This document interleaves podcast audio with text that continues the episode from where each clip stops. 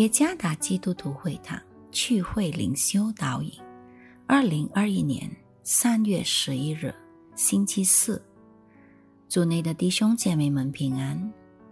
今天的灵修导引，我们将会借着圣经以弗所书第一章第七到十四节来思想今天的主题：更新状态与升级状态。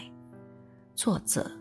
于日新牧师，以弗所书第一章第七节，我们借着爱子的血得蒙救赎，过犯得以赦免，乃是照他丰富的恩典。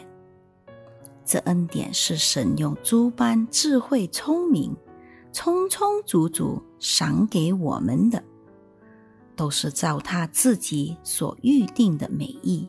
叫我们知道他旨意的奥秘，要照所安排的，在日期满足的时候，使天上、地上一切所有的，都在基督里面同归于一。我们也在他里面得了基业。这原是那位随己意行做万事的，照着他旨意所预定的。叫他的荣耀从我们这首先在基督里有盼望的人可以得着称赞。你们既听见真理的道，就是那叫你们得救的福音，也信了基督。既然信他，就受了所应许的圣灵为印记。这圣灵是我们的基业的凭据。只等到神之名被数，使他的荣耀得着称赞。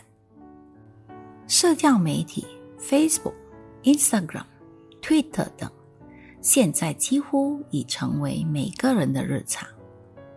为了获得很多追随者或喜欢、喜爱、赞，社交媒体用户正在正向做一些事情。以引起关注。要做的一件事是通过更改状态列中的状态，或是状态更新。更改社交媒体账号的状态，或是状态更新，并不一定会更改此人的状态。一个人的状态描述可能看起来不错，但不一定与。该人的实际情况相符，因此所需的不是状态更新，而是状态升级。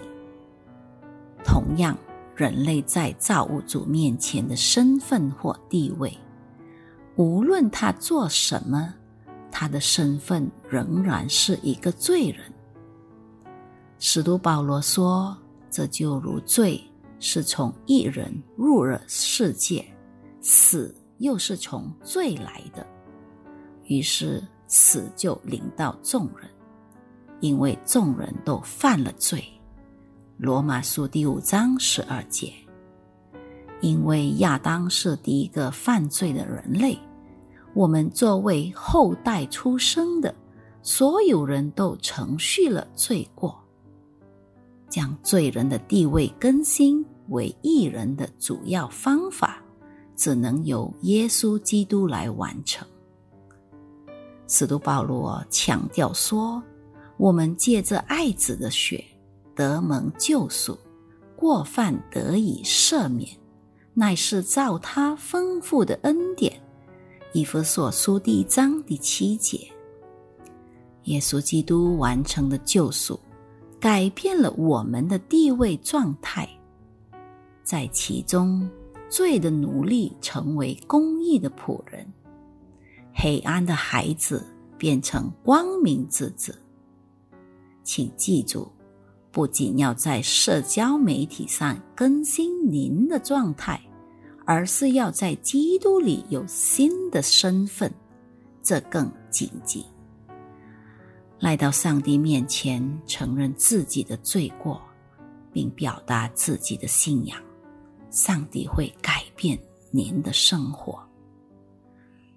可以确定的，不是您在社交媒体上的状态决定了您的幸福，而是您在基督中的地位决定了您的永生。